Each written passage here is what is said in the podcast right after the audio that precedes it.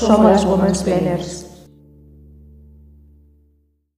Señoras, señores e señoros en vías de rehabilitación, benvindas unha semana máis ás Women's Planers, o podcast das señoras que máis forte opinan do pod galego.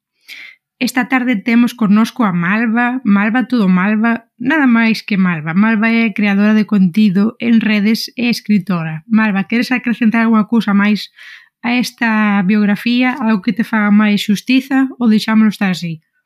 Eu non hai moito máis. Ah, son unha persoa moi aburrida realmente. Eh, teño moitas opinións tamén, entón, pois supoño que este é o meu, o meu lugar adoitado para hoxe. Queremos oílas todas. Claro, sabes que sí. Xente que opina sempre benvinda neste espazo. Temos tamén a Janito, que mañán será ese señor, o señor de señor me compras tú na rifa? Mm, bueno, señor de me compras unha rifa, ese xa son hai moitos anos, pero aparte, mañá cambio de prefixo, eh, paso a ter 50 anos, entón xa son un señor venerable, case. Parte de aniversario de boda, eh, facemos eh, 19 anos, non 20. 19. Bueno, sendo de Vigo, serás algún día señor venerable ou... Ou non? Sí, serei un gicho venerable, pero sí, serei. Exactamente, a ver, a linguaxe aquí un pouco máis... Pero xarei ese gichiño, pasarei a gicho, de gicho, de gichiño a gicho. Si é que, mm, bueno, eu tamén para que non nos saiba, eu teño un podcast que eh, tamén co, co Janito que se chama Malva Duarte falando de misterios e témonos metido aí convigo un par de veces, en parte así como un cariño cara ao noso produtor Entón, non vou ser menos aquí. Sodes malas podcast. persoas e ás veces notase. Entón, nesta está en unha desas ocasións. Somos, somos persoas bellísimas, somos graciosísimas, ademais. Ai, Malva, menos mal, mira, que acabas que acabas ti de promocionar o teu, porque é sempre moi difícil que a xente promocione o seu, non hai nada máis que nos guste que alguén que veña e fale do seu produto, porque pa que, pa que vimos aquí? Sí, é que ahora entón... mismo estamos como en proceso de construción, así que por eso estamos nunha, nun hiato eh, no que Ajá. estamos eh, como cambiando as cousas, pero bueno, volveremos en algún día, vol prometo que volveremos. Claro. Aquí dixeches unha cousa chave, que é cambiar as cousas.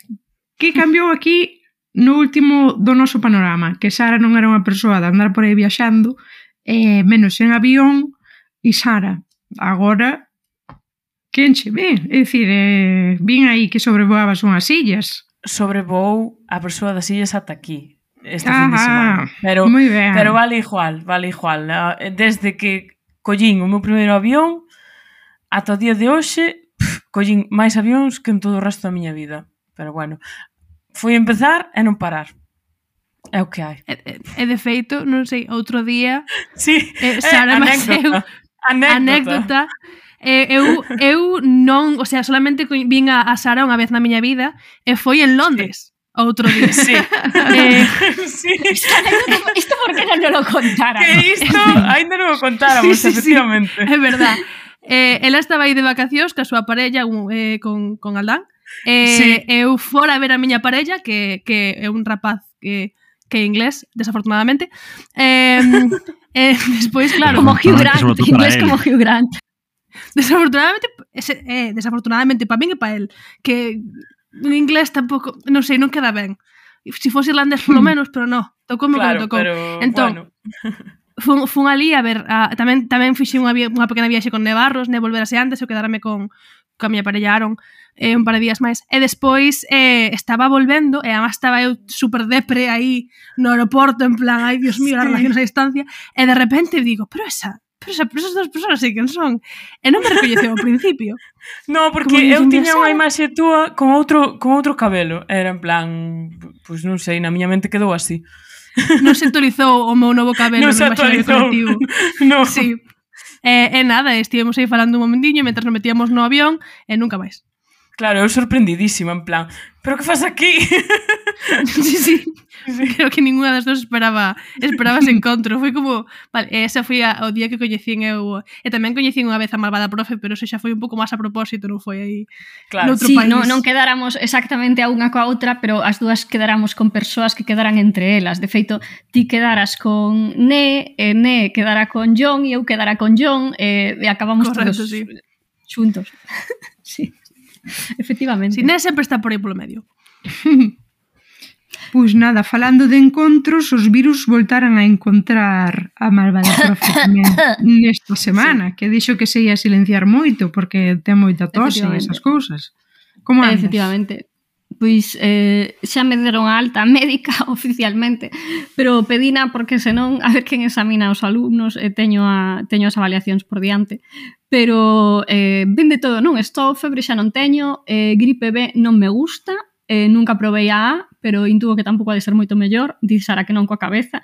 Eh, 39 anos se collera a miña primeira gripe, pois mira, eh, vai a bella morrendo, vai aprendendo pero non me gusta, non me gusta a gripe. Odio. Entón, gripe. no ranking cantas estrelas lle das a gripe B? Unha de 100, non sei. Que... Prefiro a COVID, non, non chego máis. Es hater da gripe, entón. Son hater da gripe, sí, sí. A ver, eu tiven, xuro xo, eu tiven tuberculosa, estiven 4 meses en sair da, da casa, case da cama, e, e prefiro a tuberculosa a gripe a tal altura, porque porque sufrí moito. Eu estaba aí señor levame pronto, eh, ademais aquí soía... A ver se van ser os anos, a ver se van ser os anos en vez da gripe. Non axudan, non é verdade, non axudan, os anos non axudan, pero ti non estás para falar. Ai. Miñas pobres, é que os virus non nos deixan en paz. Xa escoitache desa a Carme, que ela non ia ser menos e tamén tivo que apañar un virus nestes días pasados. Non sei que tal vas, Carmen. Pois sí, un... cada mes teño dous episodios, un menstrual e outro de gastroenterite. Neste mes xuntáronse os dous. Entón, todo ben, todo xeñal. Fantástico. Os virus son haters das woman's planers, creo. Sí. Dous episodios, igual que as woman's planers teñen dous episodios mensuais agora. Exactamente. Sí, aí, para meter a cuña aproveitando, moi ben, Janito. Pois a ver, xa sacastes bastantes veces eh, nesta presentación a palabra. E vou dicir, eh, Por que facemos esta presentación eh, rollo adivinanza? Si está no título, señores, está no título o, eh, que consiste o programa. Entón temos que parar de eh, a presentar desta maneira de ah, pois pues, que cousa sorpresa estamos falando agora. Eh, a audiencia pistas. seguramente non sabe que vamos falar de casas ou haters porque nunca leen os títulos. No, a ver, temo, isto temos no, Duarte que, máis eu facemos o mesmo e, e claro. que un día demos conta, digo, a onde vai? Se si, si a xente xa está lendo, se si a xente xa entrou aquí a escutar isto a propósito. Claro, claro. Non, claro, que ademais claro. os nosos títulos son especialmente claros, que debitan ser unha palabra moi definitoria. Sí. non hai sí. lugar entón, ambigüidade. A ver, pois pues xa... Sodes unhas haters, sodes unhas haters. Son unha hater dos, dos títulos hoxe, eh? Ben, pois xa adivinharíades que o título de hoxe eh, daba unha boa pista. Entón, hoxe imos falar de haters. E entón a primeira xa na frente. Como podemos definir os haters? Pensades que sempre existiron ou que apareceron agora coa, coa auxe así das, das redes sociais? Eu creo que as redes sociais democratizaron o hate un pouco, non? Fixeron como moito máis accesible que que antes. Eh, esa sensación que teño eu, pero polo demais eu creo que isto é un pulso bastante humano, non? Pois eu estou de acordo con Malva. O hate eu creo que existiu sempre. E algo de hate, pois mira, ten que haber. O que pasa que eh, o anonimato creo que é a chave para o aumento da actividade dos haters, non? Sentirse impune detrás dunha pantalla e ter unha plataforma enorme ademais na que espallar o seu odio, pois é moito máis sinxelo na actualidade ser un hater que ano pasado, penso eu. Vos que opinades?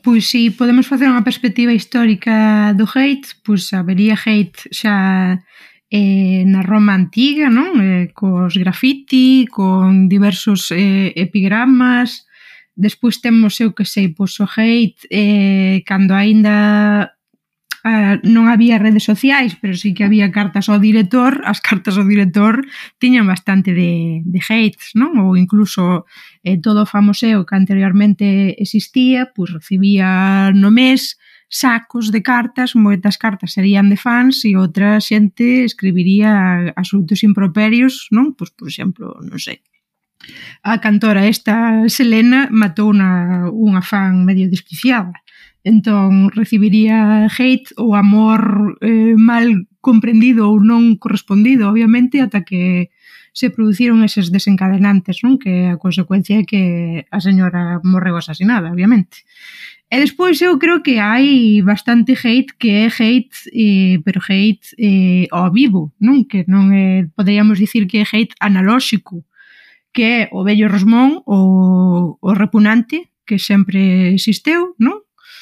e pois alguén que di que lle dis eh, vou ter un fillo e a persoa di ah eh, bueno, pois sí pois con toda a superpopulación que hai no planeta eh, pois que problema, non? É incapaz tampouco de eh, alegrarse por ti ou di, ah, pois eh, agora que tes un fillo, pois eh, non vas ter tempo a ler eh, non sei, adivina comedia de Camerón como eu sí que teño tempo de facer non?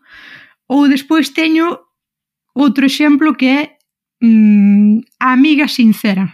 A amiga sincera de é que eu son moi sincera Entón, esta amiga sincera, eh, mira, mm, gustache este pantalón? Ai, non, mira, pois pues este pantalón quedache como o cu ou o peor é que nin siquiera lle preguntastes e a amiga sincera, como che di que ela é sincerísima e resulta que ten que vomitar todo o que se lle pasa pola cabeza porque non ten filtro pois antes de que te lle preguntes que tal che queda o pantalón pois xa che di que te queda francamente mal sen que te lle pedises nunca unha opinión. Entón eu creo que todo este hate... unha canción moi boa os do GT Calor para isto, Carmen, non sei se coñeces. Exactamente. Sí, sí, sí, sí, sí, sí. Todo isto, pois, eh, en cartas al director tiñas que poñer o teu nome, non? O señor Rosmón, bello repunante, pois ten a súa cara diante da túa, amiga sincera tamén, eh, nos grafitis xa non, pero que dicíades antes, todo iso viuse completamente mm, pois magnificado ou propiciado, eh, as redes sociais foron aí un gatillo para moita xente frustrada pois dedicarse a, a expandir hate como nunca, non? malvada profe ou malva que queredes por aquí falar?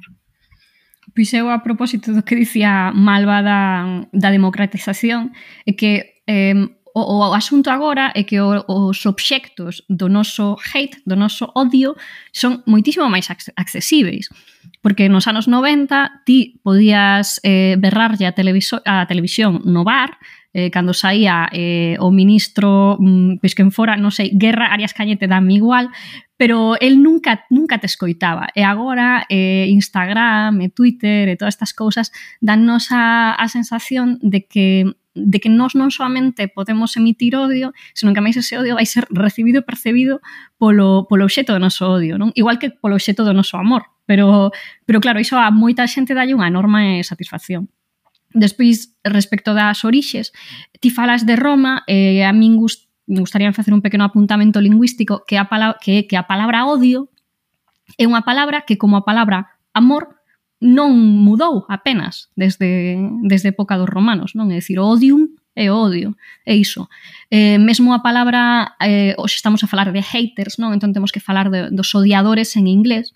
Esa palabra hate é unha palabra que ven xa do proto xermánico tamén, e ten connatos en todas as linguas en todas as linguas xermánicas. É dicir, eh, seguimos a empregar as mesmas palabras para dicir eh, odio desde hai máis de, de 2000 anos unha cousa, un mini apuntamento que quero facer respecto do alemán en comparación co inglés, é que en alemán existe a palabra has, que, que ven do, do alto alemán medio, cando houve ese cambio de o T convertiuse pois, nese son S, é que a palabra máis común derivada de iso de has, de odio, no alemán actual é a palabra hässlich, que significa feo.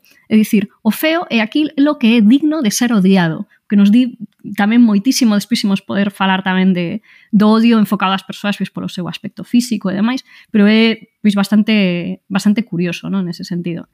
Eh, A mí unha cosa que me fascina de, de odio, da, da intensidade do sentimento, é a capacidade que que teñen eh, bueno, antes fala, mm, falaches así un pouco pois, de, de cousas relacionadas coa televisión ou con, con famosos, pero eu pensaba concretamente nos actores, que hai mm, actores de, de personaxes especializados en facer de viláns que souberon capi, capitalizar esa, o sea, capitalizar no sentido de monetizar esa esa característica odiosa, esa capacidade de resultar odiosos os demais, non? Eh, parece unha cousa extremadamente intelixente como estrategia. Eh, Eh, non sei se coñecedes a frase de man you love to hate, pero que, que se empregaba nos anos, xa nos anos 30 para un actor alemán, por certo, que era eh, Erich von Stroheim, que tamén era, bueno, máis de actor, era, era director de, de cinema e moi bo, pero, bueno, para que non, eh, non o teña moi ubicado, hai dúas películas moi famosas que fixo, unha foi eh, eh, eh, en Sunset Boulevard, eh, o,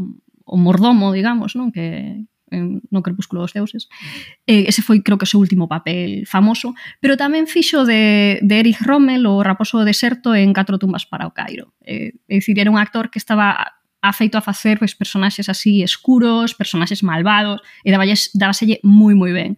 Outra actriz que fixo mesmo con moitísima mestría foi Bette Davis, Bette Davis facendo ademais papéis de, de mala, e tamén facendo sempre papéis de moito máis bella do que era antes de chegar a esa idade en que as mulleres lles faltaban os papéis. De tal maneira que cando chegou esa idade, que eran os 40 anos, ela xa tiña os papéis porque a xente xa estaba feita a vela facendo de iso de personaxe de, de, bueno, de, de actriz de personaxe un pouco, non? De feito, hai unha frase dela moi famosa que dicía que ela algo así como son unha dama e por iso son tan boa facendo de pendanga. Eh, e entón explicaba maiores que era Por ese mesmo motivo, eh, eh, Joan Crawford, que era a súa inimiga íntima, era tan boa facendo de dama. Eh, perdón, eh, Malva, douche paso xa. Pois pues grazas por por eh, aprendín moito agora con, con vos. Isto, isto é un placer de repente escoitarvos aquí en vivo e en directo. Bueno, eh, eu quería responder a dúas cousiñas. Eh, por, por un lado, o de que agora vemos unha persoa na televisión eh, podamos como responder eh, inmediatamente o, cando nos provocan algunha sensación de odio ou que sexa, pois eu creo que esa é a razón de que teñamos agora tanta xente, tipo Mario Vaquerizo, Alaska, etc., dicindo que sinten que agora hai moita menos liberdade que, que na transición ou con Franco, porque agora son conscientes todo o tempo do, do asco que lles pode ter a xente. Sempre van a ser conscientes da resposta que provocan no público Eh, e iso moitas veces, pois podes cando estás a, a feito a facer o que che dá a gana, podes sen vivir como unha especie de de opresión, non? Como unha especie de limitación dos teus dereitos. E, e creo que esa é a razón de que haxe de repente tantos homes que eran moi famosos nos 80 que, que estean así como ah, bastante cabreados coa situación actual. E despois, por outra banda, co da amiga sincera, tamén quero eh, facer unha reflexión de sobre eh, a sinceridade e o odio que é que realmente, por moito que na teoría a sinceridade sexa como unha aptitude que se aprecia na, nas persoas, non o é. O máis habitual é que unha persoa que habitualmente se exprese pois se hai algún conflicto, pois diga directamente cales son os seus problemas, e que digas cousas directamente, especialmente se esta persoa é unha muller, o máis normal é que esa persoa reciba moitísimos castigos sociais. Isto é unha cousa que, que vexo moi claramente. Mentir eh, e intentar manter a paz, eh, non ser capaz de dicir as cousas a cara, eh, ter medo ao confrontamento, eso non se, non se consideran defectos en absoluto, eso como considerase como algo que é eh, como socialmente moito máis aceptado que as persoas que sacan os confrontamentos a, a luz e eh, eh, intentan como resolvelos desa forma. Eu eh? na miña vida notei que dos, do odio máis virulento que recibín eu, especialmente como, como muller, foi por dicir eh, o que pensaba, foi por dicir eh, pois había un conflicto que nun grupo de amigos había un conflicto pois nunha orga ou algo tal, eh, por, por falar, eh, por dicir as cousas, aí onde me topei o, o, máis, o máximo odio directo en, en vivo e indirecto de parte dos meus compañeiros, de parte das, de amigues, de parte de, da xente do meu entorno. E creo que, que eso, que me parece como interesante o feito de que socialmente non chegáramos á conclusión de que ser sincero realmente se considera como un defecto bastante tocho eh, e que se considera como algo mm, que debe ser castigado repetidamente socialmente cada vez que cada vez que se, que se presenta, ¿no?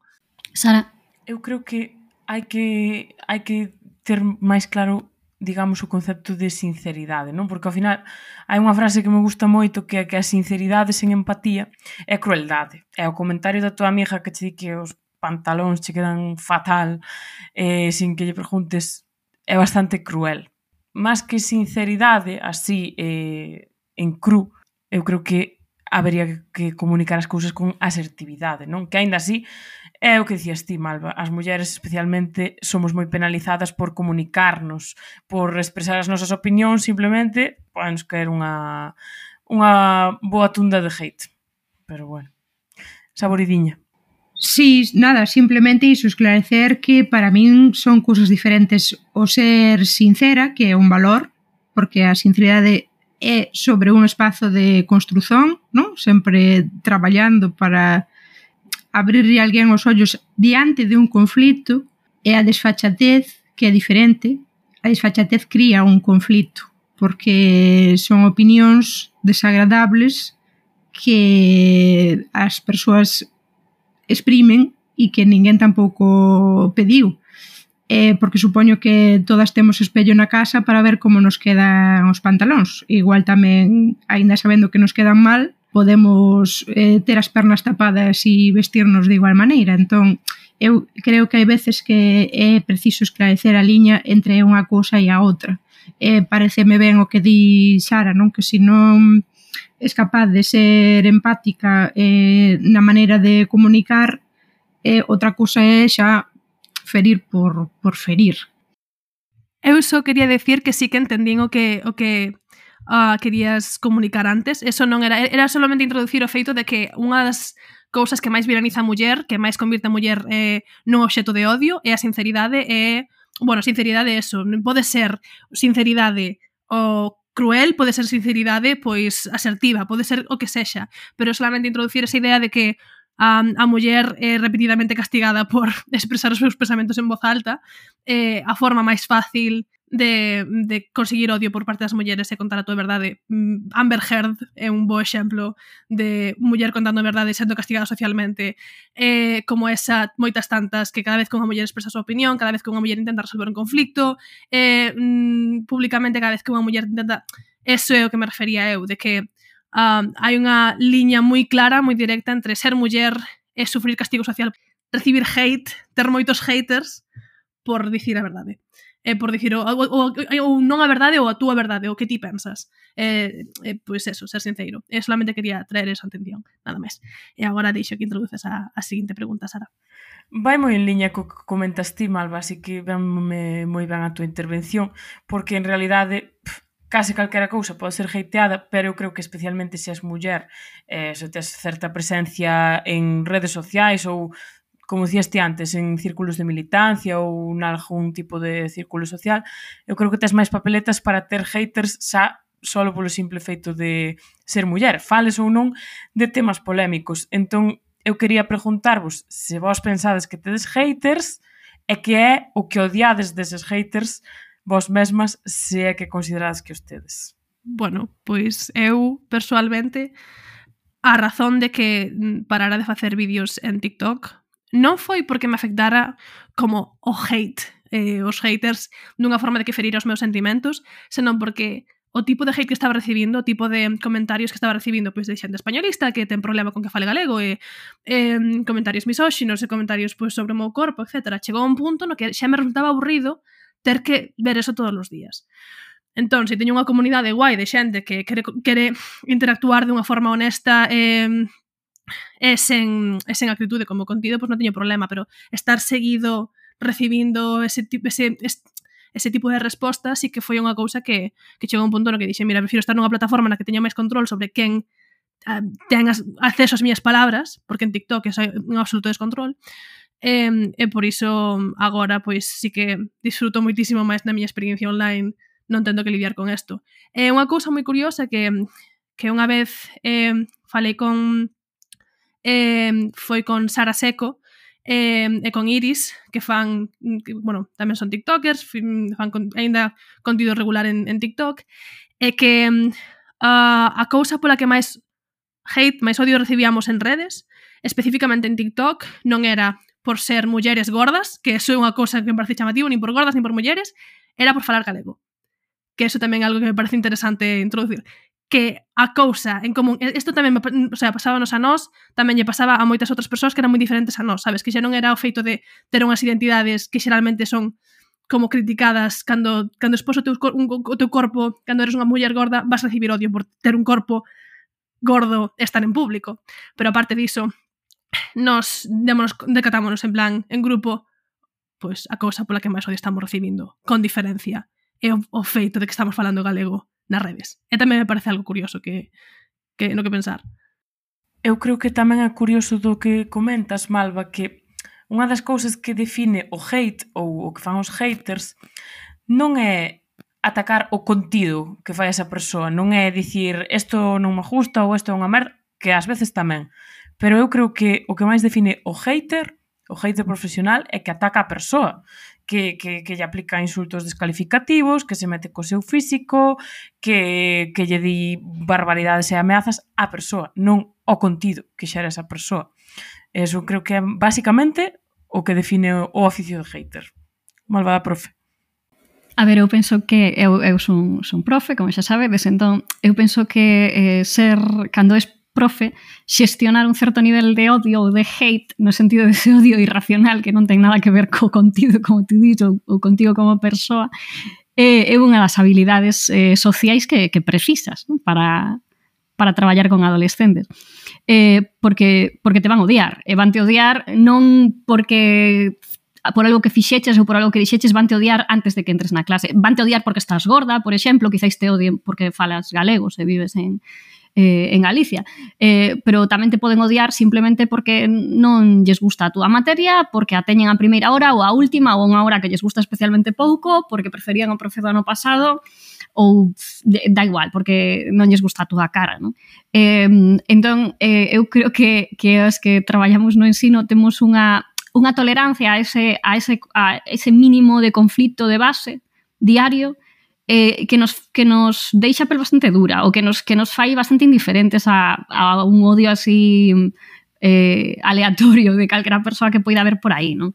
Eh, de feito, eu creo que o problema no meu traballo o teñen aquelas persoas que non saben xestionar ese odio, dicir esas persoas que necesitan agradar todo o tempo a todo o mundo, porque sofren moito claro, esas persoas pasan o fatal. Eses eh, profes, non, que chegan con 25 anos e queren ser supercurriños, e da igual que sexa supercurriño, eh, ou precisamente porque é supercurriño, os alumnos van te vacilar o triple, eh, e van te odiar porque ademais eh, te van desprezar porque van pensar que es un frouxo. É dicir, eh, non, non hai ningunha maneira de evitar o odio eh, ao 100%.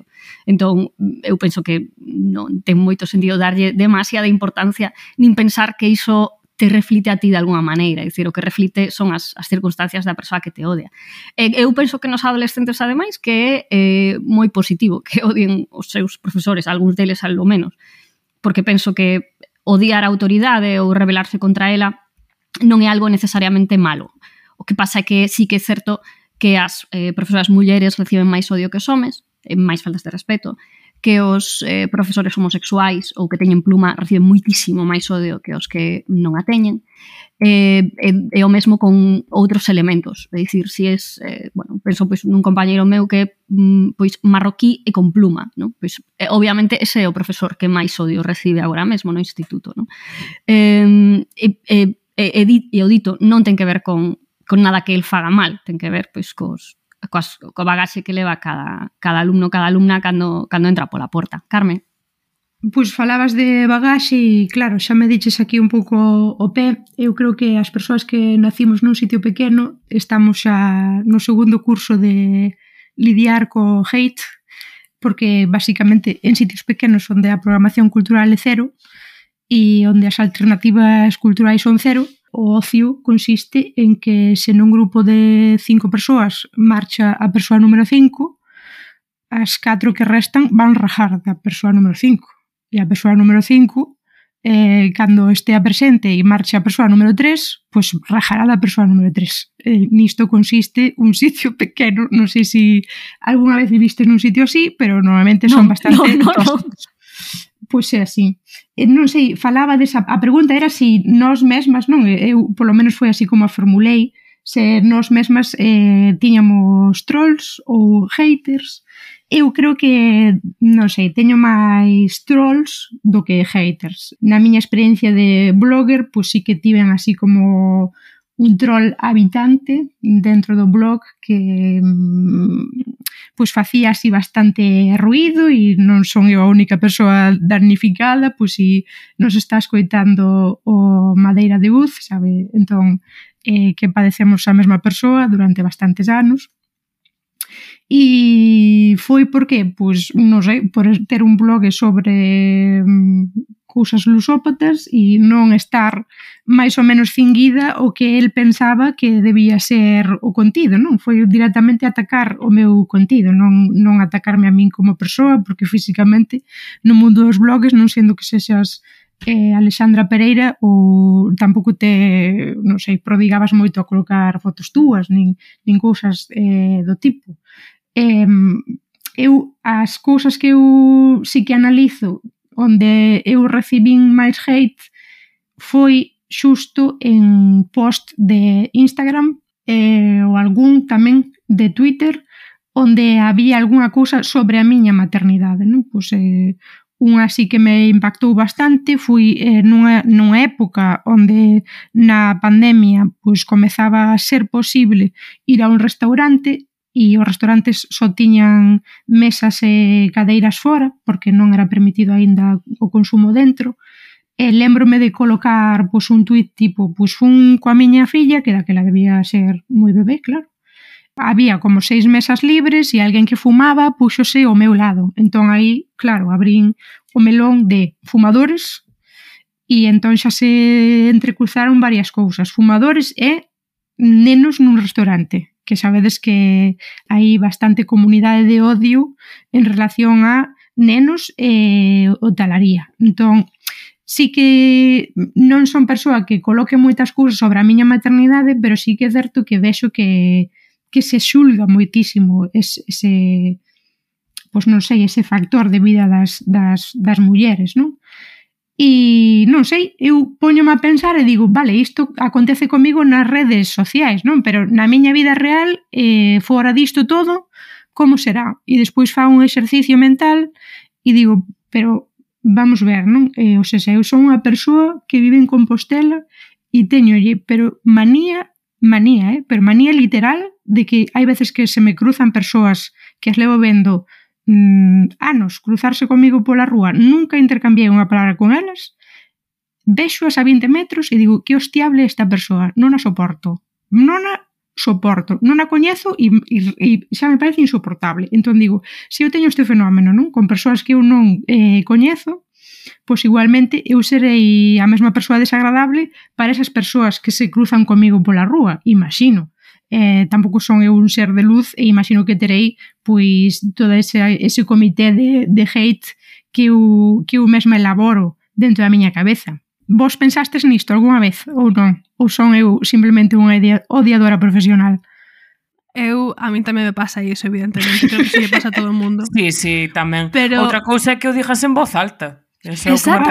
Que é unha cousa que, que Pero saber... teme, teme, teme pasado en Compostela de estar en sitios que supostamente son como modernísimos e dicir mmm, aguanto 10 minutos aquí porque agora mesmo abriría a man e faría pa, pa, pa, pa, pa, pa e empezaría a repartir hostias que me quedaría descansadísima sí, da agresividade xúrbulo, eh, da agresividade incontida que me dá este percal todo de postureo que hai aquí agora mesmo. Pero isto, isto de feito é unha cousa que últimamente oh, varios amigos meus dixeron últimamente estás tuiteando moito sobre este tema. Sobre o feito de que hai moitísimas cousas que deberían quedar no grupo de WhatsApp e punto, sabes? Que non tes que tuitealas e non tes que compartilas con xente que non está dentro do teu círculo, que non hai hai veces o odio é unha cousa que podes manter, que te podes conter dentro do teu círculo de confianza e non ten por que espallarse aí máis a lo diso, porque eu sei de moita xente que isto é unha cousa que me, que me chama moita atención cando empezou a seguirme máis xente en redes, empezou tamén a chegarme moitísima, moitísimos comentarios de xente que estaba dicindo que que eu era unha persona horrible, que eu fixera non sei que, que eu fixera non sei que... Bueno, cousas que, que nunca tal pasaran. Eh, eh, cousas que eu nunca tal fixera e tal, e xente dicindo que eu era super... Eu non son unha persona particularmente borde, que eu era super borde, que no instituto fixera non sei que e tal. E despois xente decía, sí, es que yo sé esto porque es que unha chica que foi con ella al instituto, e digo, el ojo, eh, que, que, que clase de... O sea, fuches comigo ao instituto. En base a iso, cada persona que ves eh, que saio eu de conversación, que xa me parece un pouco raro, que tampouco tan tanta fama non teño. O primeiro que faz é soltar toda esta bilis que tes, que de repente me chegan a min comentarios de que ah, esta persona que che coñecido non sei que, dixo... E digo, Jesús, esto, esta xente debía debe, debe de terme este asco, sabes, que, que estabas describiendo ti de, de, de, querer tal desde moito, moito tempo, de repente, cando teño algo de visibilidade, eh, como todo o mundo, digo, aí, eh, eh, a partir de aí, é cando eu aprendín, ah, vale, que simplemente hai cousas que non teño por qué. Se si hai moita xente que cae fatal, e se lo podo dicir a mis amigos, e punto. E non teño que poñelo en Twitter, non teño que falalo con xente que non coñezo moi ben, non teño que expresar esa opinión diante de persoas que igual non entenden o contexto do que estou dicindo, sabes? Hai que saber, eh, e por eso me parece tan raro que a xente, haga xa xente en Twitter deixando comentarios, deixando comentarios que so, como falando de min en terceira persona no meu propio TikTok, sabes? Como se si eu non estivera diante aí que non pudera ler o que non tivera notificación no meu teléfono. Eh, e digo, claro, que isto podes mandarlo a túa amiga por privado, discutilo aí entre vos, odiarme a muerte, pero que non me teña que enterar, eh? Por que teño que estar eu exposto ao vosso hate? Hai que, hai que, ten que haber unha etiqueta po hate hai que saber estar co hate un pouco máis, creo eu. Eu son moi, non sei, eu por unha parte son moi pouco odiadora, creo. Eh, teño moita enerxía para moitas cosas, pero odiar non é unha delas normalmente. E chamame a atención isto porque eu non te percibo para nada como unha persoa a borde, tampouco a, a verdade a ninguna de vos, non? Pero eu que penso que tampouco son a persoa máis amable do mundo, pásame exactamente o contrario que que ás veces me chega como por terceiras persoas alguén que foi, pois sí, alguén que foi comigo a, eu que sei, a balé cando era pequena ou a, ao cole ou instituto e de súpeto que lle din ai María Arce, mima, boa xente non sei que, que boa compañeira tal e eu dicindo non sei nin quen esta persoa pero polo visto un día axudei non moito a estudar algo e entón quedolle, quedelle como con cariño e iso chama, chama a atención non? porque dis, despois a maneira en que ti ficas na memoria de alguén por unha anécdota de, de media hora igual, que tampouco te retrata, ou que te retrata para ben ou para mal, pero dunha maneira exagerada, porque todos temos luces e sombras, non? É, é bastante bastante curioso. E como señora precisamente do século pasado, Malva, estou moi de acordo niso que dis de guardar o odio para ti, non? Porque eu creo que a miña experiencia no, no século XX é que o odio era unha cousa que se disimulaba máis. É dicir, non era, para empezar, non era un sentimento que estivese moi aceptado socialmente. Eh, por unha parte, polo, polo pouso cristián que aínda había en moitos niveis, non do da ética ou da maneira de relacionarse das persoas. E despois porque tamén era visto como unha debilidade de carácter, é dicir, é, é un, un sentimento negativo que te posúe e que, que te colocaba a ti mesmo como unha persoa feble, non? Eh, os que vivimos aquela época, non? Vivimos nun tempo en que as emocións se reprimían bastante públicamente, para ben e para mal. Explícome. Por unha parte, sufrimos moito iso de, de reprimir as emocións, sobre todo os homes, supoño, non, non chorar en público, non, non facer grandes mostras de paixón, etc. Pero por outra parte tamén era un ambiente que te protexía de que ti acabases afogando nas túas propias emocións negativas, non? Porque demostrar fortes emocións en público era unha cousa, por exemplo, para min sendo adolescente, pois pues, moi pouco cool, é dicir, entón unhas as grandes mostras de odio ou de envexa ou de, de carraxe non eran algo bo tampouco non? E, a propósito das, das etimoloxías antes a palabra anoxarse ou an, ano, anoxar ven de in odiare de odiar cara dentro porque un odio como que te, cor, que te carcome non cara dentro eh, Juan. Eu sobre o tema este de guardar o do odio é unha persoa que combina dúas cualidades que van bastante ben xuntas, que son un pelín rancoroso e teño moi mala memoria todo está moi ben porque isto que digo de, de nin olvidar nin esquecer, o sea, nin, nin perdoar nin esquecer, eu perdoar non perdoo moito, pero como acabo esquecendo, non pasa nada. Pero, pero non che tampouco... pasa que diste, ai, que mal me cae esta persoa, e xa non te lembras por qué. A min pasa -me iso. Sí, bueno, ás veces tamén... Sei que fixo algo mal... no seu momento, pero xa non sei que, que hai xente que me cae mal porque alguén me dixo algo, pero últimamente tento tento facer cada vez isto menos, non?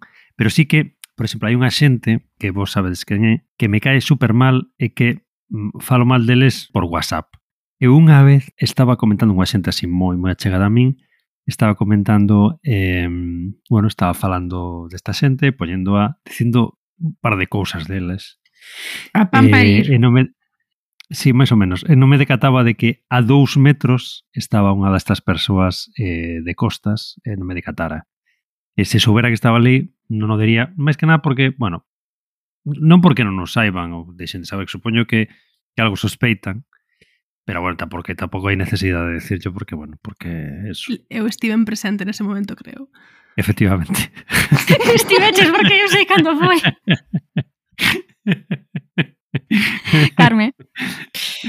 E que todo isto, non sei como isto non o colocamos no guión, porque hai varias emocións que son universais e teñen que ver con esta represión. Entón, vamos ver, eh, eu creo que hai moi poucas cousas máis satisfactorias dentro dunha amizade ou que asenten máis unha amizade, que é cando te das conta de que estades odiando a mesma persoa. E entón aí rompese o tabú e abres pum, a caixa de la rajadera total. E dis, dios, sí, e é unha conexión brutal, eh, cando iso acontece, que dis, a que odias por isto, por isto e por isto outro, e outra persoa devolveche o, sí, exactamente por iso, e exactamente por iso a min tamén me cae mal. E non hai un lazo máis grande e indestrutible que este dentro dunha amizade que me levedes a contraria agora se queredes. Non, non, non, non pero que encontrades unha fisura neste argumento eu, eu, que eso é así, tal cual, de feito, o, o cotillear eh, e o cotilleo que está tan mal visto que despois, bueno, hai toda como a hai toda como a rama de socioloxía que está como estudando como a importancia histórica do cotilleo porque se empezou a se considerar algo como tanto de mulleres como como socialmente mal visto pero pero que cotillear é unha forma de, de comunicarte con outras persoas e decir isto non estaba ben, verdad? Non, non estaba ben, isto non está... Esta cosa non... é como validar a sensación de xustiza que temos tal, e, É claro que eso é unha cousa boa, é unha cousa de discutir discutir o comportamento alleo é unha cousa necesaria para para a, a civilización para, para coexistir eh, para non temos que falar eh, do comportamento dos demais e do noso comportamento temos que discutir o que nos pasa non? e, eh, eh, sí, desde logo que non hai conexión máis o sea, eh, como si estás empezando a coñecer unha persoa xa se no traballo, en calquer tipo de contexto, e atopades unha persoa en común que odiar, eso é como é, é como inyectarse algo nas venas de repente, como Dios, este a amizade como sube tres niveles de repente, eh, sintes como super validado, é un momento como super bonito, pero claro, ese tipo de é un odio contido, ese odio dentro dos teus círculos que non pasa nada. Eso é necesario, necesitamos expresar tamén o noso odio para fora, o que pasa que igual non lle temos que berrar a persoa que é obxecto do noso odio tampouco. Entonces claro, isto isto é unha cousa sana e boa, na miña opinión, é, é necesaria para para vivir. E non vos pasa unha cousa que é unha cousa que odio, porque eu eh, eh, eu son mm, no traballo, son unha persoa moi moi educada, e teño sona de ser moi simpática, porque sorrío moito, sorrío moito por nervios, porque son bastante torpe socialmente fora do meu tal. Tes fama de non ter abuela tamén, verdad? pois non, curiosamente, aínda por riba, non, aínda por riba, co soberbia que eu son e no traballo, non, porque sempre te vendes por menos do que non sei que, porque es tan modesta, de verdade, o sea, teñen unha, unha idea completamente errónea de min, e unha das consecuencias é que xente que ti, o me igual non odias, pero que che cae bastante mal, que ti lles caes ben a eles. Iso é insufrible, tío. Sobre todo para unha persoa como a min que non lle gusta moito facer vida social e de súpeto esa, esa, esa xente que non, a que non lle caes ben veñen buscarte o despacho para que saias tomar café con eles e tal. Tens que inventar desculpas para, para non pasar tempo con eles porque parte da chave de que non se decaten do mal que che caen e non pasar tempo con eles, porque se interactúas durante 30 segundos, un minuto, pois non pasa nada, pero se tens que estar ali sentados con eles falando da actualidade, pois eh, acabas eh, eh, non sei, berrando viva para cuellos, quero dicir.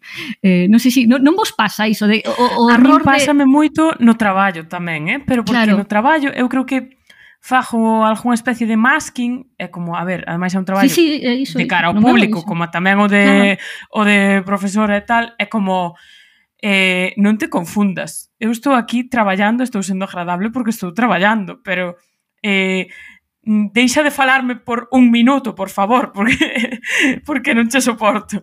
E isto con compañeiras e compañeiros de traballo, con algunhas destas persoas, sí que me pasa, eh? claramente. Que ademais é, non sei, ou xente que é moi pesada, que non paran de contarche a súa vida, pero mal, sabes? En plan, que fan un monólogo e ti estás así como escoitando. Parece que, parece que os atraio, sabes? É como que ve, veñen a min a contarme a súa historia. É un plan, non me interesa, por favor. E ademais, cando son compañeros, respirar Cando son compañeiros, ainda son compañeiros, pero a min pásame tamén con familia de, al, do alumnado, non sei se a ti con familia igual de con familia de pacientes, que de súpeto ven unha nai non para facer unha titoría, sino que te vai ben buscar a metade da mañá por si queres tomar un café con ela. E ti pensando, estamos aquí confundindo conceptos, señora. Claro, porque ti es moi amable con eles, ás veces es moi amable con xente que é insoportable, entón non están afeitos a que alguén sexa super amable con eles. Pero ti estás sendo moi amable porque és profesional, non porque che apeteza tampouco, porque a ti tamén che parecen insoportables. Entón é unha, situ unha situación moi moi curiosa. Bueno, perdón, que, que foi este excurso, non sei por que pensei, veume iso a cabeza, e, e eh, quería compartilo por, por se non era eu a única persoa do mundo a quen lle pasaba, que eu sufro moitísimo con esas situacións, é moi incómodo. E ademais a xente que me coñece catase que me poño incómoda porque entón sorrío moito e como... e, e paso fatal, en fin, perdón. A seguinte pregunta eh, que tiñamos aquí na, na nosa lista é se pensades que ter haters é bo, no sentido de que un, se é un bo sinal, se é un sinal de incluso de, pues, de que tes fama, de que, de que tes suceso, mm, de que fixeches algo ben. É inevitable. Ter haters é absolutamente inevitable.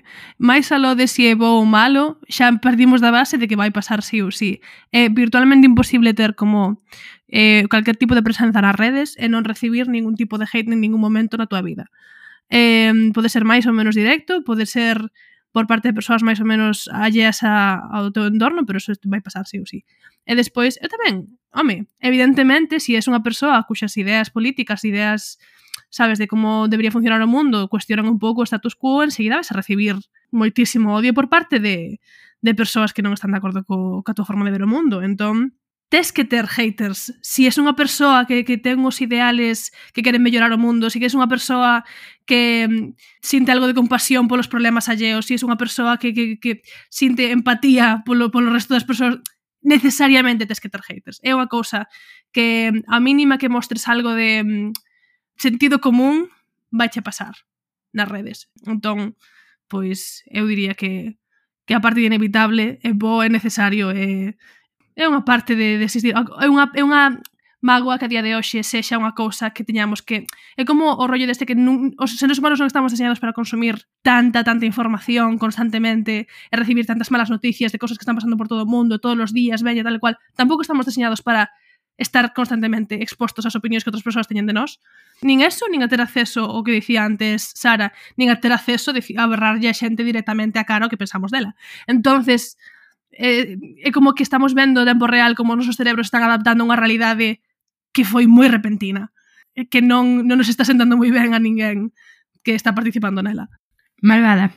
Malva, sí, eh, hai, unha, hai unha cita de Flaubert que di que a grandeza dun home ou a talla dun home se mide polo número dos seus inimigos, entón podemos dicir que a, a grandeza dunha tiktoker como a, como a ti, por exemplo, que se mide polo número dos seus haters. Claro, é que ao final isto, se lle das un pouco a volta, o único do que podería ser indicativo é de que o teu contido chega a moita xente, non? Vendo polo lado positivo, ou de que chega máis alá do teu target de audiencia, chega máis alá da xente para que ti creas o teu contido, ou para que se supón que o creas. Despois, ter haters non sempre é un bo sinal, quero dicir, que Roma Gallardo teña haters a mí parece o máis normal do mundo. Quero dicir, é que o merece. non é que sexan haters, é que son xente que ten razón, sabes? Sí, pero aí quero facer un pequeno apuntamento de que unha cousa son hater e outra cousa recibir claro, críticas claro. porque estás dicindo absolutas, eh, absolutas idas de olla necesitas que... Eh, Exactamente. Quero dicir, unha cousa é ter haters que é como un odio innecesario, gratuito, que ven de cousas que non merecen odio e despois claro, outra cousa é ter críticos, eh, ter persoas que che están criticando o teu, o teu contido de mierda que, que, que. Exactamente. Saboridiña. Pois era xusto isto que eu ia dicir, que eu creo que hai xente que se dedica a facer eh, conteúdos caca, conteúdos caca, vamos, só para a xente eh, espallar hate, porque ao final o hate, pois xa vimos que o odio une moito, entón o odio tamén é un altifalante grande penso que hai xente que fan, fai xa un tipo de conteúdo que é eh, provocador porque así tamén puxera máis tráfico na, na net e agora, pois, imagino que entre todos a ese tipo de xente que lle estaremos pagando unha moto acuática. Pero incluso, non, supoño que algunha de vós algunha vez vería, eu que sei, o contigo que fai Ana Rosa ou Susana Griso ou escoitaría la COPE simplemente un pouco por dicir vou odiar falar contra a tele ou falar contra a radio e a vez tamén vou estar coñecendo máis o discurso do meu inimigo, que iso tal vez me dé a min unha certa vantaxe argumentativa despois. Eu unha tempada que tentei escoitar Federico Jiménez Los Santo de camiño ao traballo e tive que deixar de facelo porque me provocaba dor de estómago. Era excesivo. Eu, eu quero solamente sinalar que o que acabas de describir, tío, o fenómeno de, de crear contido solamente para recibir como visualizacións por, por, por o odio da xente, ten nome, chamase rage farming, non sei como se traduciría, pero é que basicamente como colleitar a ira sí. da xente. Entonces ti uh -huh. creas un contido que é eh, provocador, es, busca unha resposta emocional da xente eh, a propósito para que para que teñas o engagement que, que dá o hate, porque o hate dá moitísimo, un engagement moitísimo máis intenso que, que, que alguén lle encante o que ti estás facendo. Se alguén lle encanta que, o que ti faz, seguramente que lle dá me gusta, deixe un comentario apreciando e igual o comparta por aí. Unha persoa que odio que ti faz vai ir vai, vai a comentar unha e outra e outra e outra e outra vez. Entonces o engagement eh, é de peor calidade no sentido de que ti vas a estar recibindo ese tal, pero se si non te importa, pois pues, a ti, hmm. pero vas a estar recibindo muitísimo máis engagement. Incluso porque é unha resposta porque é unha resposta moi humana, non? Incluso nos hmm. vamos a, agora a un restaurante se o restaurante é mm, máis ou menos un 7, raramente lle vamos deixar unha valoración. Se é un 10, pois eu sí que o fago, non? De dicir, veña, pois vamos dicir algo positivo. Pero se é un 3 e sabes que realmente que se están burlando de ti e que te están tangando, aí non falta a, a crítica sincera, necesaria e negativa eh, do Google. Pero quero dicir, é, odio algo que te o odio como injustiza sentida, non? É algo que te moviliza moitísimo máis que non a satisfacción de, pois, entrei neste restaurante, porque puxen un exemplo de restaurante, e saí insatisfeita daqui e o prezo pareceume xusto. Creo que se mobiliza moitísimo máis a xente eh, cando o sentimento é negativo. Eu creo que é importante como atopar algunha forma de mm, educar as crianzas e tamén as persoas adultas na medida do posible para que saiban recoñecer este tipo de contido, contido que está deseñado para que teñan unha resposta emocional, e esa resposta emocional tanto ellos leve a cometer directamente actos de odio, porque hai moitas veces que este rich farming faise a través de eh, mentir sobre comunidades vulnerables como comunidade, pues, o colectivo trans ou o que sexa, sabes, a, a propósito para conseguir como o engagement que dá a xente que está compartindo eso, porque como pode ser que este pasando isto? Como pode ser que, que, que están deixando que os nenos tomen hormonas? Ese tipo de, de chorradas que eh, eh, as cousas como... As, porque claro, moitas veces a verdade ten, ten moitos matices e é unha mentira pode ser unha cousa branco e negro e eh, tal. E por outro lado, está um, recoñecer cando a xente está rage farming, cando a xente está facendo unha cousa deseñada para que ti tal, eh, aprender que eso é, é bo ignoralo, non é bo estar sempre alimentando en nós este sentimento de desprezo, de odio e de, e de ira. É unha cousa que de vez en cando, pois, sí que bo, a ira é unha, unha emoción que debería ser eh, útil, que debería que debería, a ira é unha, unha emoción necesaria e útil porque no sentido de que necesitamos sentir ira porque é a, a forma que temos de recoñecer que algo non é xusto é que algo non é tal. Pero hai veces cando a xente está buscando xerar esa emoción en ti para para beneficio propio, non deberíamos estar dando eh, ese, esa esa ira nosa gratuitamente cando hai moitísimas cousas por as que estar legitimamente cabreada en este mundo e deberíamos igual aprender a recoñecer cales pagan a pena e cales non. E, ademais, todos os discursos de odio que xeran certos creadores de contido en internet adrede, sabendo que van recibir moito engagement, teñen a parte negativa de que persoas intentando quitarlles a razón, bueno, moitas veces eu mesma fixen isto no Twitter, non? En plan, dicindo, pois mira que tontería acaba de dicir este, isto non é certo por isto, isto por isto. Tamén lle damos eh, amplificación a, a ese contido e tamén espallamos máis ese contido e distribuímos ese contido. Entón, a min é algo que me costa moitísimo, non? Quedar calada e silenciar ese contido ou Simplemente, se quero dicir algo sobre o tema, dicilo eu na miña conta e xa está. Pero tamén é algo que temos que aprender a facer porque senón ao final estamos sendo plataforma de difusión sen querer para ese tipo de, de contidos de, de odio tamén. Malvada profe. Sí, pois outra, outra pregunta que, que teñamos aquí é se vos vedes unha diferenza entre ser un hater e ser un troll. E se pensades que, que os haters son conscientes de que son haters, porque os trolls sí que eu creo que damos por feito que sí que o saben, e sobre todo se vos fostes haters algunha vez, se tamén sodes así odiadoras. Sara? Eu creo que é distinto a figura do hater e a figura do troll. A figura do troll no meu entender, é unha figura máis un pouco máis amable, eh, sin ser amable, eh? pero que é como parece que a súa pretensión, o único que quere, o único que lle motiva na vida o, o seu motor vital é amolar. Amolar porque sí, porque lle divirte, porque é a súa forma de, de entretemento.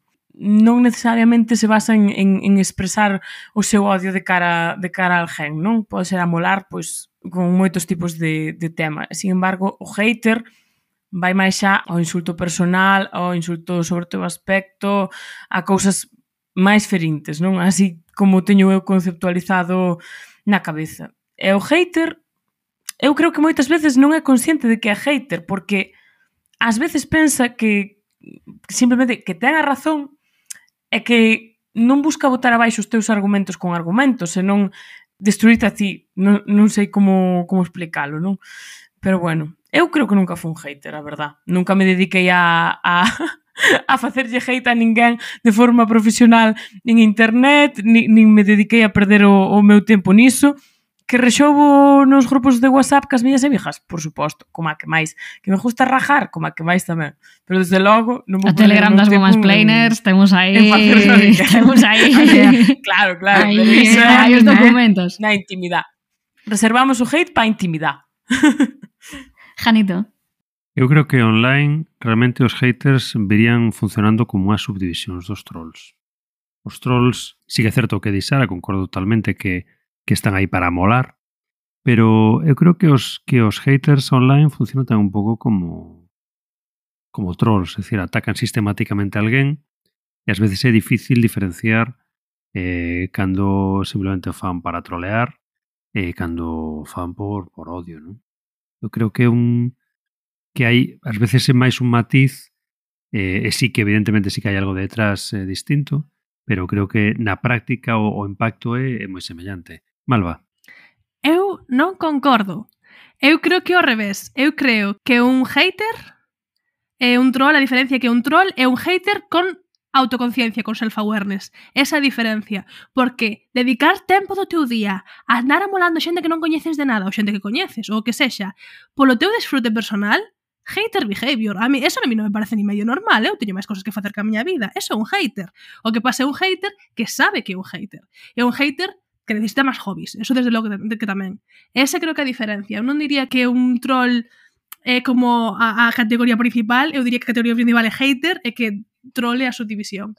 E despois mm. respondendo a outra pregunta de que si mm, algunha vez eh, foi un hater, eu non recordo nunca deixar un comentario mm, faltándolle alguén ao respecto directamente eh, así sen máis gratuitamente en, en YouTube ou en ningún... No, era simplemente, sempre que tiven que deixei un comentario era intentaba como eh, contestar a idea que estaba presentando e tal. O meu primeiro instinto raramente foi, non, non recordo que fose atacar a persoa. Despois pode que algunha vez o fixera, pero non, non lembro que ter ese impulso non nas redes. Pero bueno, tamén tiña 13 anos cando empecé a ter presentar nas redes, nunca se sabe lo que, lo que pode haber por aí. E si, sí, eu tamén estou con Sara, o hate, po grupo de WhatsApp, o grupo de Telegram, o hate pola intimidade non pa non pa mm, non estar aí sempre poñendo esa non, non, non quero sonar hippie, pero non estar poñendo esa energy aí polo universo constantemente, Jesús, un poquito máis relajarse, mm, de, de, intentar pois sentir como emocións que non sexan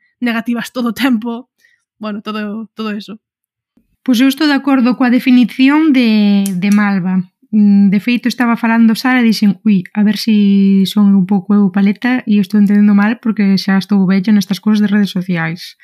Eh, entón, si, para min, o troll é un, incluso un pouco como parasitario, necesita que alguén publique contido, non fai esa persoa nunca contido por si, por si mesmo, porque necesita atacar as contas dos demais.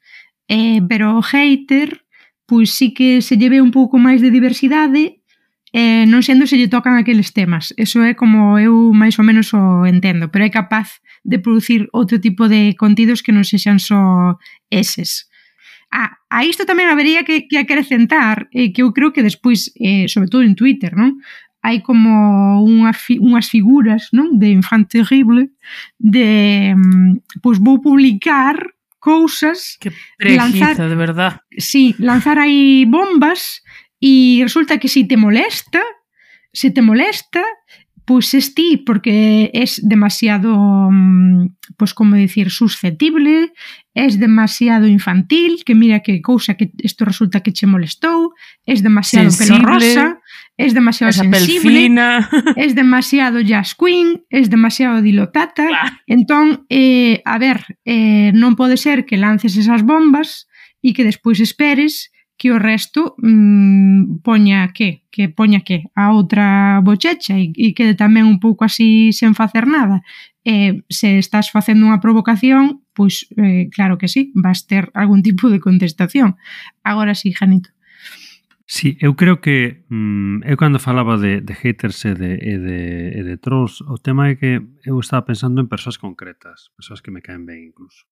E que hai xente, incluso no, no Twitter en galego, que trolean sistemáticamente eh, para provocar, moitas veces eh, crean debate, non só mm, molestando, que decir, son O que pasa é que probablemente sean uns trolls no, no, no, no límite do que non é un troll, non son os típicos que, que rompen os debates totalmente con, con, con, ton, con tonterías, non? sino xente directamente que sae do que a norma do que, do que o resto están comentando. E en cambio, para min os haters e comentan e buscan eh, máis ferir e molestar sistemáticamente. Os trolls, para min, teñen un matiz de que non sempre é así. Que ás veces eh, buscan pois, eh, provocar ou chamar atención, ou, pedir casito ou como ti queiras, non, non como os haters, que os haters eh, tamén un pouco iso sí, pero sobre todo eh, ferir e molestar. Non, non, os, os trolls eu non creo que necesariamente teñan que, que chegar o insulto e o ataque, o ataque directo, eh, en cambio os haters sí, claro. Malva. Eu ia aí un pouco pola liña de Janito tamén. Eh, bueno, eu quería eh, como engadir algo que estaba eh, diciño, dicindo ahora a Sabriña, eh, que, que no meu grupo de amigues temos un nome para o comportamento que estaba describindo dos enfants terribles que é eh, chamámoslo eh, contido I am not touching you, porque como cada vez que, como dous nenos que están, dúas crianzas que están xogando entre elas, e unha quere molestar a outra, e pon o dedo aquí diante do ollo e di, non te, no te estou tocando, non te estou tocando, non te estou tocando, pero está, claro, claramente buscando unha resposta para tal, eso. O aire de todos, o aire de todos. Sí, de todos. exactamente. Correcto, entonces eso, o de non te estou tocando, eh, contido non te estou tocando, que é unha forma, pois, pues, eso de, de utilizar dog whistles moitas veces como eso, ese silotos de can que como linguaxe especificamente deseñada para esconder o que realmente queres decir, que te entendan, que te queren entender e despois podes eh, xogar a outro termo que utilizamos no meu grupo de, de colegas que é stupid tourist ou turista estúpido que é fixir que non te enteras do que está pasando, ainda que o sabes, estás finxindo que non te enteras, eh, como se si fores un turista de que non sabía que había que pagar por isto, non sabía que Te... Sabes? Ah, oh, non sabía que isto signific podía significar esta outra cousa, así que o sabes, non? Entonces son xente que está utilizando todas estas técnicas porque non ten nada que ver que facer ca súa vida. E hai veces que sí que pode ser como algo un pouco máis de, de, de, de realmente, pois pues, quero que me haga un pouco de caso, non? Pero sí que considero que ata certo punto son conscientes. Sempre, si, si eres un troll, eres consciente de que vas conseguir certo tipo de resposta e que vas a xerar certo tipo de resposta a outras persoas e que esa resposta non vai ser positiva. Eso é que estás buscando. E pode ser un troll con máis ou menos malintencionado, pero ao final pareceme que é sempre un pouco hater behavior en maior ou menor medida por razóns máis ou menos lexítimas, pero é, é hater behavior todo, sempre que sempre que estás intentando pois pues eso, buscar crear unha resposta emocional a outras persoas para o teu desfrute persoal. Eu teño que dicir que hai, hai trolls que me son simpáticos. Eh, algún en concreto, penso non Twitter, eh, Janito xa sabe, creo, de, de, de quen lle falo. Pero que me son simpáticos porque... Eh, eu estaba pensando antes noutra persoa, eh? Non, no, non, no, xa sei que, que ti, ti máis eu seguro que non pensábamos no mesmo, pero, pero ti, ti sabes que me é simpático. Que, porque son xente que crea debates e, e atacan ideas e non persoas. Para min é unha grande diferenza cos, cos haters. Quero dicir que, que un troll pode trolear algo pode trolear un partido político, pode trolear unha eh, non sei como dicilo, unha tendencia social, un etcétera, etcétera, un discurso, e un hater sempre vai a, a por xente con nomes e apelidos, non? E penso que iso é unha grande é unha grande diferenza para min. Entón, agora que xa máis ou menos temos as tipoloxías algo definidas, cando tedes trolls ou haters nas vosas contas, que é o que facedes ou que consellos dades ao resto para que poidan lidar un poquinho con esta situación. Malva. Isto é algo que eu teño xa bastante estudado por, por eso, porque houve unha época na que eu fixen contido que sabía que iba a ser como políticamente inflamatorio en certos círculos de TikTok e que me iba a xerar como certo tipo de resposta. E o, o que hai que facer, é, de feito, é como trolear de volta. A un hater, a única forma de lidiar cun hater para frenar o que está facendo, non podes eh, moi raro que podas ter unha conversa con alguén que está nese estado emocional, eh, entón o que tes que facer directamente é eh, intentar ter máis gracia que outra persoa, eh, facer algunha coña, e intentar ir polo, polo, polo humor, intentar como facer algún chiste. Eh, a min funcionábame moito cando unha persoa non paraba de comentarme, que isto é unha cosa que, claro, o, o rollo de que o hate provoca que volvas unha e outra vez a, a seguir dándolle engagement o contido que, que che provocou ese, esa emoción de odio, eh, eu empezaba a dicirles en plan, dios mío, ti ya estás de volta aquí outra vez, buah, pois pues, xa, a ver, tes que pedirme xa para sair dunha vez, que creo que creo que o que pasa é que che gusta moito verme a miña cara, tal Empezabas a facer ese tipo de coñas e paraban inmediatamente, porque non queren dar a sensación en ningún momento de que lles gustas. Esa era unha forma moi rápida de pararlles os pés. Despois, eh, chamar a xente friki sempre me funcionou muitísimo máis, porque non hai nada tan ofensivo como a palabra friki.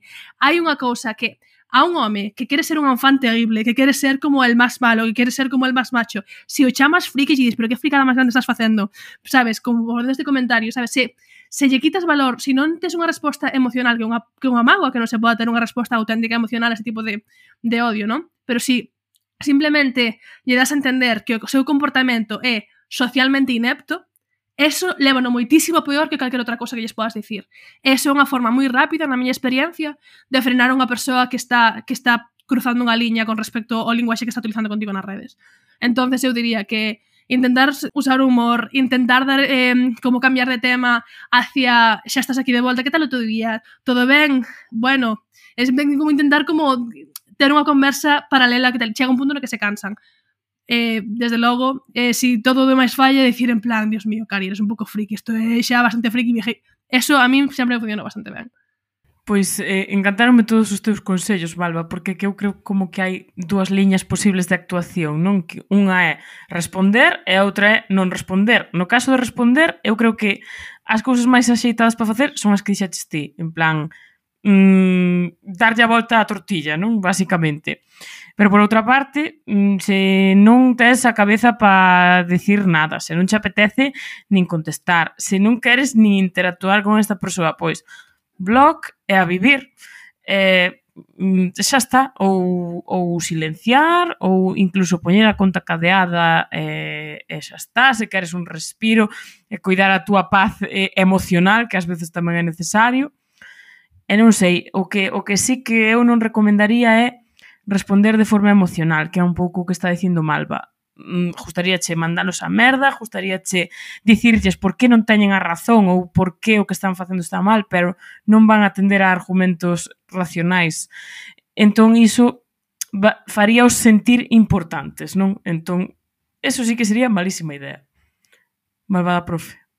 Sí, eu son unha grande fan da idea de simplemente silenciar a xente. Dicir, eu sabes que teño a todos silenciados. Rara vez bloqueo a alguén, quero dicir, ten que ser alguén moi unha persoa extremadamente desagradable ou moi moi pesada para que os acabe bloqueando. O que fago normalmente é silencialos. Pero silencialos ten un problema, que é que despois esqueces quen son e esqueceste deles, non? Que ainda me pasou a semana pasada, de feito. Entón, algúns esqueceste deles e aínda así se eles seguen obsesionados contigo, como me, lle ten pasado a máis de un comigo, non? Despois dedícanse a citar todo o que ti publicas con comentarios E aínda que ti non o vexas, porque os ignoras, e eu non ando mirando que me cita, mandanche, pois sempre hai algún amigo ben intencionado, pero que che envía capturas dicindo, meu Deus, este tío está obsesionado contigo, este tío non sei que, gracias Antonio Fraga, gracias John, que sabes que normalmente me mandaban estas cousas de fulano está obsesionado contigo, non? Pero pero moi irritante, entón podeche pasar que te esquezas deles. E a, aínda a semana pasada me pasou que Sara me indicou que un tipo eh, andaba falando de min, non? Como dicindo, esta sempre que pode, aparte a frase era, esta sempre que pode agárrame o brazo. E eu dicindo, non sei quen é este señor. Tiven, tiven que googlear o meu, digo googlear, perdón, buscar en Twitter o meu usuario e os seus xuntos para ver que a nosa última interacción de xuño de 2020 que aínda estábamos en confinamento eh, e resulta que pensaba que eu lle agarrara o brazo. Todo isto por, poñevos en contexto, eh, naquel momento saíra unha, unha campaña para eh, para buscar novos eh, socios, non sei se a palabra, pero en calquera caso novo alumnado, eh, e tamén eh, estaban a recadar, como se di, fondos non para unha nova escola da Escola Semente en Santiago. E eh, eu fixen un comentario irónico como profesora de ensino público porque me chamou moito na atención naquele anuncio que saían, saían os cativos, saían as crianzas dali, as, as de verdade, quer dizer, tampouco entendo que non contrataran actores, fixen un comentario sobre a pouca diversidade que había nesa escola, que era men menor que a do cole eh, concertado que había ao lado do meu instituto. É dicir, porque non había pois, ninguna, ningún neno racializado eh, á vista. E, e, e entón, houve xente que se ofendeu moitísimo, que en realidade, se si fosen listos, non me terían dado tanto bombo, porque eu era unha tía con 300 followers, que pasei a ter mm, 3.000 basicamente gracias a eles, eh, polo cabreo que se pillaron, pois ofendidísimos porque os chamara racistas e non sei que, que eu non dixera nin, nin, nin de longe insinuara nada semellante, non? Pero enchéronse de moitísimo odio, eu era unha, eh, como me chamaron, como unha, eh, as, as, as profesoras do ensino público, somos mercenarios do, ensin, do, do, do Estado español, eh, e, e, e o que acabou facendo este tipo, claro que se lle foi moitísimo a pinza para acabar demostrando que en realidade eh, eh, el era moi tolerante e a súa escola era moi diversa, foi subir unhas fotos da súa nena el eh, chamase Bruno, non sei que, non me lembro o apelido. Pois había acabei subindo unhas fotos da súa nena de dous ou tres anos con blackface disfrazada de Angela Davis, que era como como isto xa, é dicir, si sí, eh, tedes que ver a cara de Malva agora mesmo coas dúas mans tapando a boca que foi o que o que fixen eu cando vin aquelas fotos, que foi como non podo creer que isto sexa, bueno, foi tan heavy a ese, a ese home non lle dixeron que era friki o suficiente na súa vida claro, eu, o sea, quero dicir, eu, eu xa eh, aquilo non quixen xa nin darlle bola porque xa estaba metendo o rostro dunha menor que non estaba non estaba nin sequera eh, pixelado, nin nada, é dicir, era a cara da súa filla facendo blackface, non? E, non e a seguinte... Dime. Non era Alfonso Rueda. no, no, non era Alfonso Rueda, era a filla deste señor. E xa a seguinte, a, a seguinte campaña que, que fixeron foi unha campaña comparándose coas escolas das, dos, pan, dos Panteras Negras. E a min deume todo tantísima vergoña allea, porque a mí é unha escola que estou segura que non ten nada malo de seu, quero dicir que é unha escola pois como calquera outra, eh, eh, que a mí pois, te pon moito, moito esforzo a, a, a iso a, a que sobreviva a lingua e a que as, pers as persoas que poden pagar estar ali ou que están ali cunha bolsa, pois que teñan os seus fillos falando en galego e tal. Pero claro, intentar intentar pasar diso a facerte pasar por o colexio máis inclusivo e máis e tal do mundo e, e aínda por riba compararte cos panteras negras era como Pero meu Deus, entón claro, eu con este tipo arrepíntome moitísimo de non telo bloqueado directamente, porque ao, ao final acabei como outro día sin querer, non? Medio interactuando con el porque non me lembraba de que de que existía, simplemente era un tipo que tiña silenciado, pero pensei que o silenciara pois como teño silenciados a 200 señores do, de Gali Twitter porque son pesados, ou porque falan sempre as mesmas cousas, ou de Putin, ou de que sei eu, que non me apetece. Janito. Sí, eu creo que hai unha, un tipo de hater moi concreto que un coñazo, que son os haters políticos. A min chegábanme nunha miña conta miña conta particular, unha conta que unha outra conta, chegábanme de cando me tiñamos moita visibilidade fora do país e chegábanos carretadas de, de comentarios eh, negativos de, de fachas. ¿no? Entón, sobre todo se son contas moi pequenas, bueno, nunca, nunca resposto, por suposto, non, non, non, non merecen que se lles responda, porque aparte non non hai forma, non hai que non se pode entrar en debate sequera, é dicir, nestes casos non hai xente coa que poidas debatir, pois eles están nunha posición, da igual o que digas, eh, e nunca vas chegar un acordo, entón pois, eh, hai que ignoralo, entón estes o silenciaba. Se os bloqueas, eles despois van decir, teñenme silenciados estes, non sei que, se os silencias, eso xa non, non existe. O sea, simplemente nunca máis. E aparte, se, se ti discutes con eles, eh, fomentas a súa visibilidade. Entón, sobre todo se son estes poucos followers ou estas contas bunch of numbers, ignoralos directamente e silencialos. Cando hai algún, algunha persoa concreta que é hater, que te persigue e que sí que está dentro do teu entorno, eso xa é máis complicado. Porque aí sí que parece que se non se non entras na se non entras a falar con esta persoa, parece que lle estás dando a razón, non? Entón aí en principio a mesma estrategia de de ignorar e silenciar, eh, bueno, deixar que tal, eh, co tempo, pois con un pouco de sorte esta persoa pois acabará deixando ver quen está no certo e quen non, non? Se, se queres debatir aí xa entras no terreo do, do perigoso. E, e para facer o que di Malva, que me parece unha estrategia estupenda, precisas varias cousas. Primeiro, eh, de ser unha persoa áxil e, e brillante, así como respondendo como, como ela, e, e ter enerxía e tempo para facelo. Se tes moitos, eh, moitos haters, non é viable facelo así, a non ser que teñas tempo infinito para dedicarte a estas cousas. Eu tamén quería mm, De feito, eh, traer como a conversa antes de rematar a figura dunha persoa que me parece moi, moi interesante nesta conversa, que é unha tiktoker moi moi famosa que se chama Drew Afualo, é eh, unha tiktoker estadounidense que mm, o que fai é eh, coller vídeos de homes que din cousas misóxinas e ser a maior hater posible.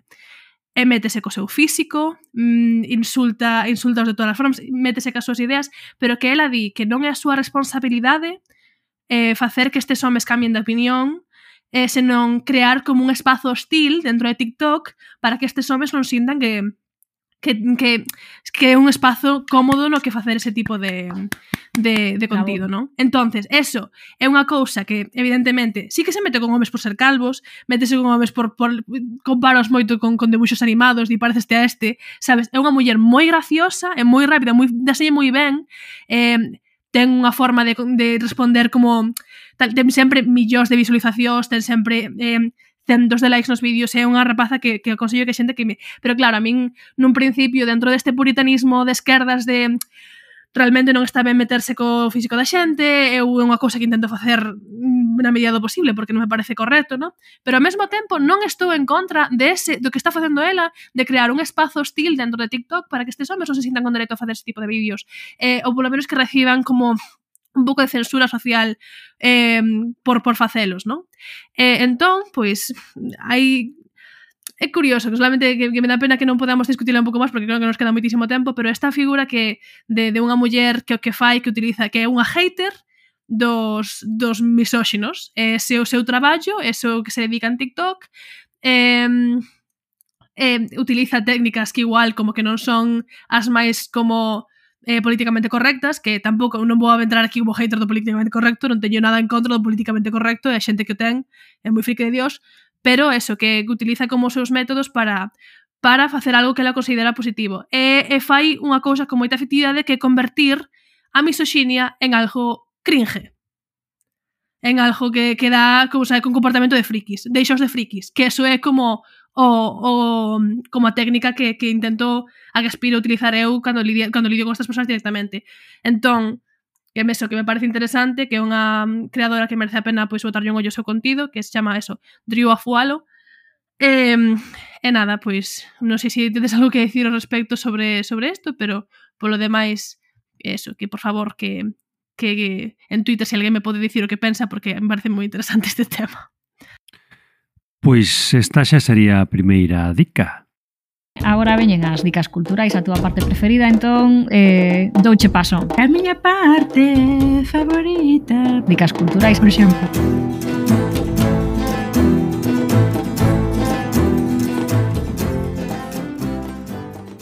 Veña, empezas ti, Sabordiña. A ver, pois esta semana non traballei nada na, na miña sección favorita, entón mm, só trouxen Pois as dúas primeiras oh. cousas que me oh. pasaron pola cabeza, porque a cabeza teño como a teño e eh, non está moito por traballar. Entón, eh, despois dunha gastroenterite e na semana menstrual, aquí van as miñas dúas dicas que nada máis que son musical. Son musicais nada máis. Entón, unha, pois unha, non sei se vos estáis lembrando, pero unha mm, en momentos te, en momentos tensos da historia deste programa eh, pasei vola polo chat. Entón é unha música sí, sí, sí, dunha brasileira que se chama Ludmila e a, o título da canción é 24 horas por día. E entón ela di algo así como ti non tes nada para facer e vives nesta agonía pois falas de min, vives de min 24 horas por día. Eh, é unha letra marchosa que disti, pois, eh, está contando un pouco como a miña situación actual en internet, non? Pois veña, pois Ludmila Luzmila sempre na nosa equipa. E despois, pois un grupo que, que me parece que fixo aquí unha cousa que bordou, non? Que son os o Calor, eh, coa canción Opino de que, que evidentemente tampouco é que fale simplemente de, de heiterismo, non? Penso que fala de heiterismo e tamén de opinións que non teñen fundamento de ningún tipo, pero creo que ven ao caso para, para este programa de hoxe. Eh, quen continúa? Janito, veña. Pois sigo eu cunha, cunha que non tiña notada, pero que aparte xa se falou aquí, que tamén do GT Calor, que eu son bastante fan, que a de sinceridade no pedida, que fala desa, xa comentou antes, eh, Sara, desta xente que que super, super, super sincera, sobre todo cando vai dicir algo malo. He dicho a cara porque é super sincera, non te vai andar mentindo, eh, diche algo para molestar. Aquí aplicamos a regra dos, non sei se a regra dos 15 segundos ou dos 20 segundos. Si é algo que se pode arranxar en 20 segundos, dillo, senón, cala a puta boca se non che piden opinión. Despois, eh, tamén eh, recomendacións... Eh, bueno, esta regra non é mía, por suposto, eh, de, non sei onde escoitei ou a bien ou algo así, en internet. E eh, despois, eh, un grupo que é boísimo e que eu creo que lle, igual que igual que o GT Calor tamén lle colleron moi ben o punto as cousas que fai xente en internet, que son os punsetes. Ten un par de un par de temas moi bons, un é o de opinión de mierda, que este fala moito de, bueno, eu aquí ás veces eh, bueno, Agora xa non estou tanto en Twitter, pero a verdade é que todos queremos opinar moitísimo e ás veces estamos mellor calaos. E outro eh, que fala máis especificamente dos haters que a de vas hablando mal de mí, que un, é un rollo entre haters e, eh, eh e exparella eh, de alguén que vai pedindo casito falando mal de alguén por detrás e tal, e chegan as, e chegan as opinións a, a protagonista. E para rematar como último consello é unha canción de Joe Crepúsculo que está é boísima para os vosos haters, a canción de Vete a la mierda. Non se a coñecedes, se non a coñecedes é moi boa para poñer neste tipo de situacións e podes adicarlla a que máis vos preste. Pois eu teño de consellos libros, para variar. Eh, un deles creo que xa debe ser a terceira ou a cuarta vez que o recomendamos aquí porque sen ser novidade, pero era novidade para nós, nos descubrimos hai pouco tempo que era Memorias dun ex galego de Josiño Arauxo que, que está na editorial Laio Vento ten que ver co hate. Si, sí, o protagonista é un odiador profesional, digamos. É alguén que que ten non exactamente autoodio no, no sentido dun odio cara a sí mesmo, pero sí cara as súas orixes, cara a súa familia, eh, cara, cara ao seu país, eh, a vila onde vive, eh, odia todo o que o rodea. Eh, pero non é unha personaxe, non é un personaxe plano, é un personaxe que evoluciona bastante, eh, ten un final bastante sorprendente. Eu creo que cando recomendei a primeira vez o libro non o, non o acabara de ler. Eh, e gustaríame moito pois, recomendalo a quen, quen estivera interesado unha lectura realmente divertida e bastante bonita, ademais. E outro é un libro moito máis eh, escuro e máis triste, O seu título en alemán é Mars, eh, como Marte, como planeta Marte, eh, publicouse en castelán co título de Bajo el signo de Marte. O seu autor, suizo, chamase, ou mellor dito, publicou no baixo o nome de Fritz Zoan, eh, aínda que o seu verdadeiro nome era Fritz Angst. E isto xa é un xogo de palabras, porque ele se chamaba Fritz Angst, que significa medo, e cambiou o seu nome para publicar por Fritz Zoan, que significa ira. O sea, dicir, a palabra Zoan significa ira.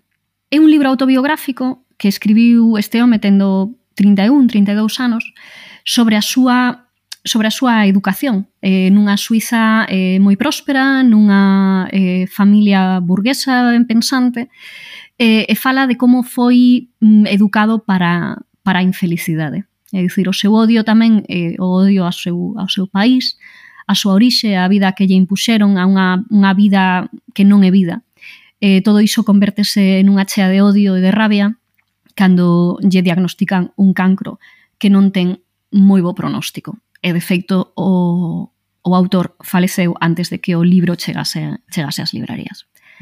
De que época é o libro? É dos anos 70. Publicouse, se non lembro mal, no ano 77, o autor morreu no 76. E eh, nacera no ano 44. Un libro moi, moi bonito, a verdade. Eh, recomendo moito. E con isto penso que chegamos hoxe ao, ao final do noso programa.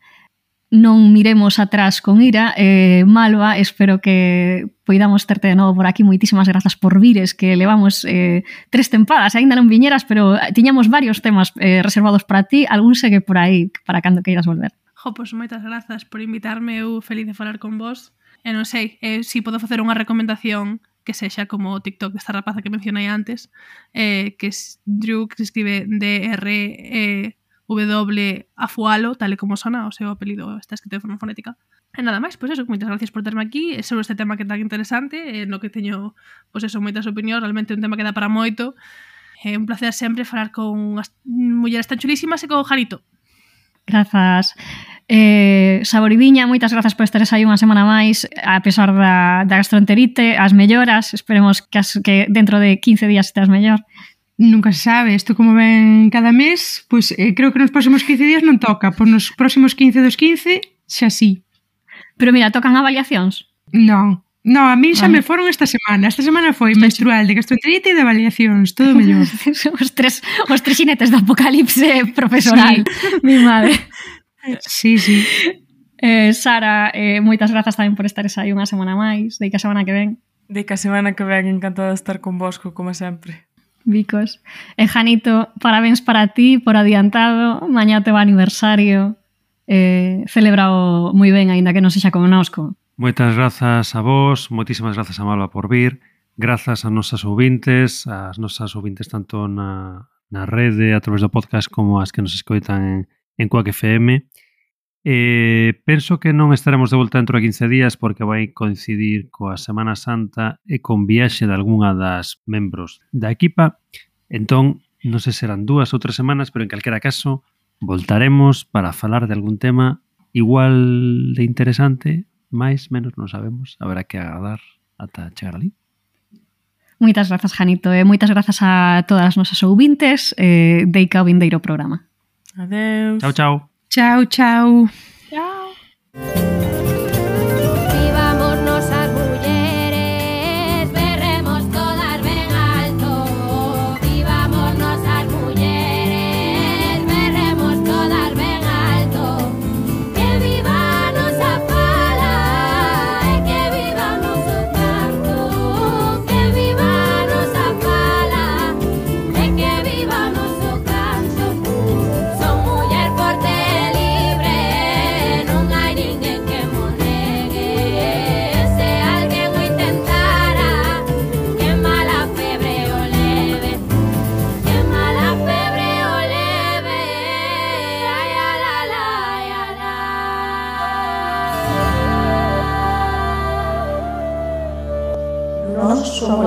nos ven.